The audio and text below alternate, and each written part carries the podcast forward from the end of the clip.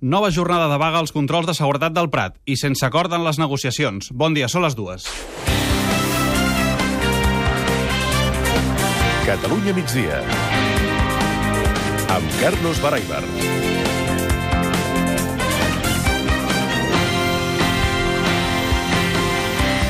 Els treballadors dels controls de seguretat de l'aeroport ja han avisat abans d'entrar a la reunió de mediació que encara està en marxa que avui molt probablement no hi haurà acord de, perquè acabin les vagues. Aparentment, la discrepància no és menor. L'empresa Eulen ofereix pujar els sous en 155 euros i els treballadors en reclamen 350.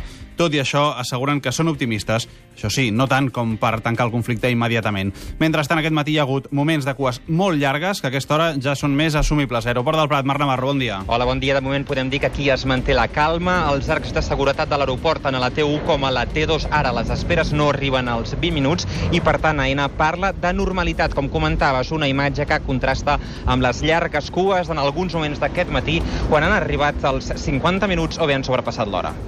Un altre conflicte laboral que amenaça de desembocar una vaga aquest divendres és el que plantegen els treballadors de les ambulàncies a Girona. La Generalitat confia que hi haurà un acord que eviti l'aturada, però si no n'hi ha, ja ha avisat que els serveis mínims que es fixin seran màxims. Ho ha dit la consellera Dolors Bassa, consellera de Treball al matí a Catalunya Ràdio. Normalment, quan és un servei públic i un servei indispensable, els serveis mínims són el màxim possible. Els que han portat aquest matí al conflicte del seu sector a Barcelona són els pagesos de la fruita dolça, que han fet una marxa lenta per la 2 al llarg de tot el matí per demanar al govern espanyol i a la Comissió Europea que es treguin tones de fruita del mercat perquè en pugi el preu. Una mobilització que ha rebut el suport de diversos alcaldes de la plana de Lleida. Alba Barbosa, bon dia. Hola, bon dia. Sí, aquesta tarda set alcaldes redactaran un manifest en defensa de la pagesia. L'objectiu és, diuen, fer front comú per defensar un sector vital per l'economia de molts municipis de la plana de Lleida i aconseguir que al llarg d'aquesta setmana s'hi adhereixin, s'hi adhereixin més ajuntaments. I tornarem a Girona perquè hem de parlar de dues persones mortes ofegades a les darreres hores a les platges gironines. Se sumen a dues morts més ahir a Vilanova i la Geltrú i a Cubelles. Girona, Albert Raquena, les comarques gironines, s'ha atès fins i tot una tercera persona per ofegament, també. Sí, en aquests moments els equips del SEM estan atenent aquesta persona a la platja La Conca, de Platja d'Aro. Aquest matí hi ha hagut dues persones més ofegades, una a Sant Pol, a Sagaró, a Sant Feliu de Guíxols, i també a la platja Gran, de Platja d'Aro. Des de començament d'estiu ja són 18 les persones mortes ofegades a Catalunya, 11 més que l'any passat. Doncs déu nhi pràcticament es doblen les morts a les platges catalanes aquest any. De l'actualitat política, estaven pendents d'una reunió entre el rei Mariano Rajoy al Palau de Marivent, a Mallorca, però s'ha hagut de retardar perquè Rajoy ha tingut un atac de lumbago. La reunió s'ha retardat un parell d'hores. A Catalunya Ràdio, d'altra banda, aquest matí hem entrevistat el president de l'ANC, Jordi Sánchez, al matí de Catalunya Ràdio. David Badia, bon dia. Hola, bon dia.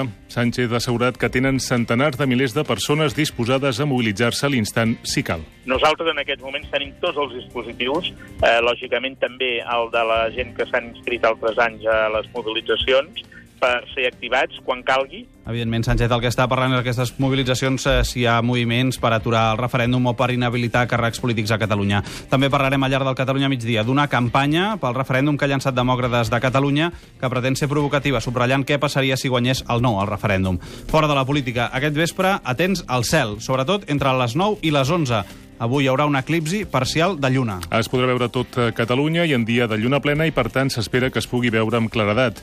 Caldrà mirar, això sí, l'horitzó en direcció és sud-est i es podrà veure una part de la lluna i tindrà un color rogenc. Salvador Ribas és director de divulgació de l'Observatori del Montsec. A les 9 de la nit és quan la eh, lluna començarà a sortir per l'horitzó.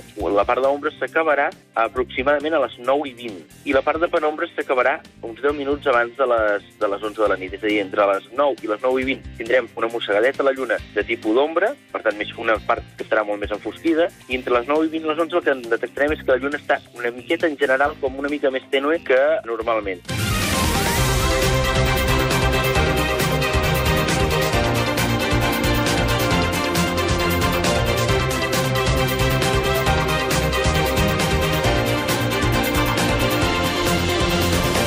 I en els esports avui hem sentit el president del Barça, Josep Maria Bartomeu, que diu que, el, que passés el que passés amb Neymar era bo pel Barça si es quedava perquè guanyaven un gran jugador i si marxava perquè deixava diners per a nous reforços. El president ha dit en el Congrés de Penyes que Messi és l'exemple de fidelitat davant d'actituds com la del brasiler. Aquest vespre, per cert, hi ha Gamper contra el Chapecoense.